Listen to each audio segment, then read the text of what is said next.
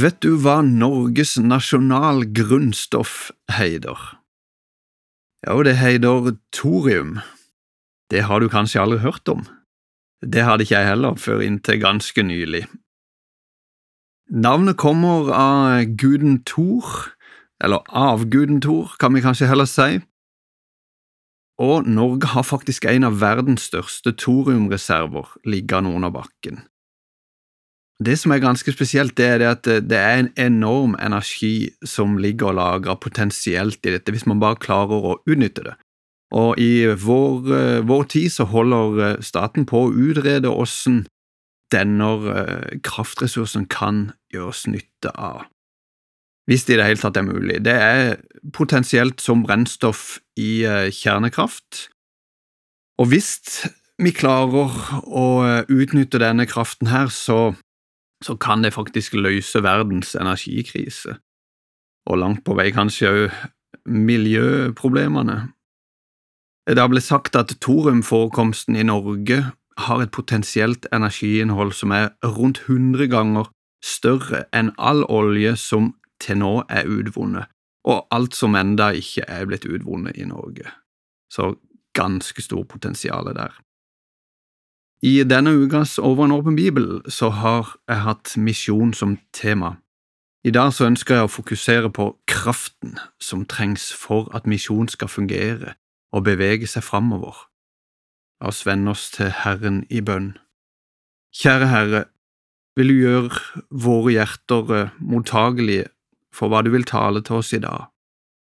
Vi legger denne stunda her i dine gode, allmektige hender, i Jesu navn. Amen.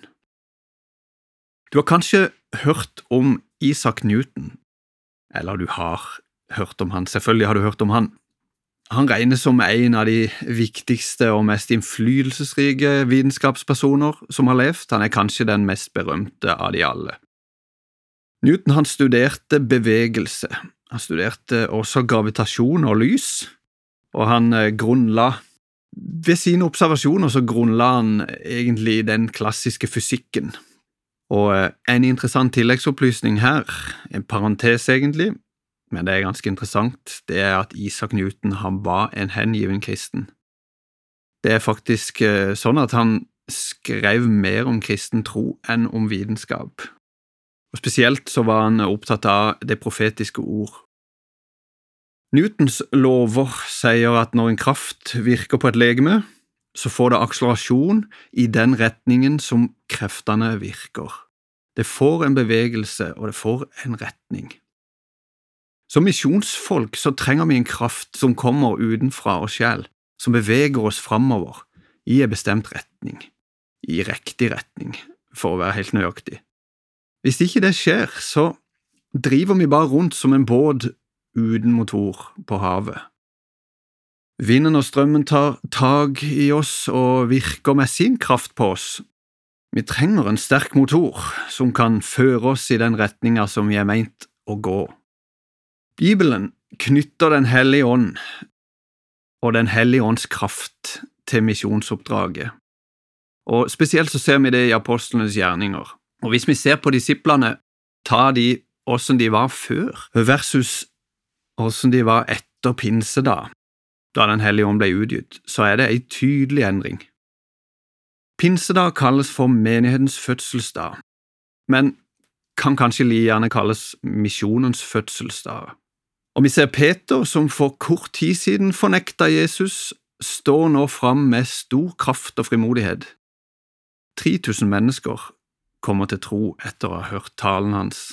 Apostelens gjerninger er full opp med historier om hvordan Den hellige ånds kraft virka gjennom disiplene. Det var åpenbart en helt sånn spesiell overnaturlig kraft som virka på de første kristne. Oppdraget var å dra ut med budskapet til hele verden og gjøre alle folkeslag til disipler.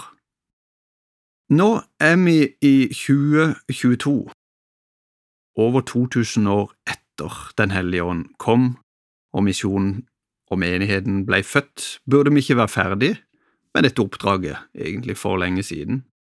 Hva er det som har skjedd? Det kan se ut som om eh, det store misjonsskipet har mista fart, og kanskje også retning. Kraften er ikke den samme. eller kanskje kraften er den samme, det er bare det at vi ikke utnytter kraften. Det ligger en eh, ganske så stor, uutnytta kraftressurs som eh, hvis vi finner ut hvordan vi kan utnytte den, så, det, så kan det løse egentlig alle våre utfordringer i misjonen. Kan det tenkes at Gud ikke gir oss denne kraften, gir oss tilgang på den, hvis vi tviholder på eh, våre egne prinsipper, hvis vi holder fast i roret i feil posisjon? Kanskje vi går mot Hans vilje. Den hellige ånd er det åndelige torium. Hvordan kan vi få tilgang på denne kraften? Bønn er veien å gå. Men så ber vi, og så føler vi kanskje det skjer så lite. Kan det hende at vi ber feil? Jakob, som var Jesu bror, han sier det sånn, dere ber og får ikke fordi dere ber ille for å sløse det bort i deres lyster. Forleden da så la ei dame ut følgende spørsmål på Facebook. Kom eh, opp i feeden min med dette spørsmålet her. Er det noen som vet når vi norske kristne sluttet å bøye oss, sluttet å knele for Gud? Og er det noen som vet hvorfor? Og så var det en kar der som la inn en kommentar som sa at han trodde ikke det var bibelsk å knele. Han trodde det var bare en tradisjon som de kristne hadde. Og jeg måtte undersøke denne saken her. Jeg fant ut av det at eh, å bøye kne for Gud, det er egentlig noe av det mest bibelske du kan gjøre. For det mest brukte ordet for å tilbe, som, som, eh, sånn som det brukes på gresk i Det nye testamentet, det er proskyneo. Det betyr bokstavelig talt å bøye seg i tilbedelse, eller å bøye seg og tilbe.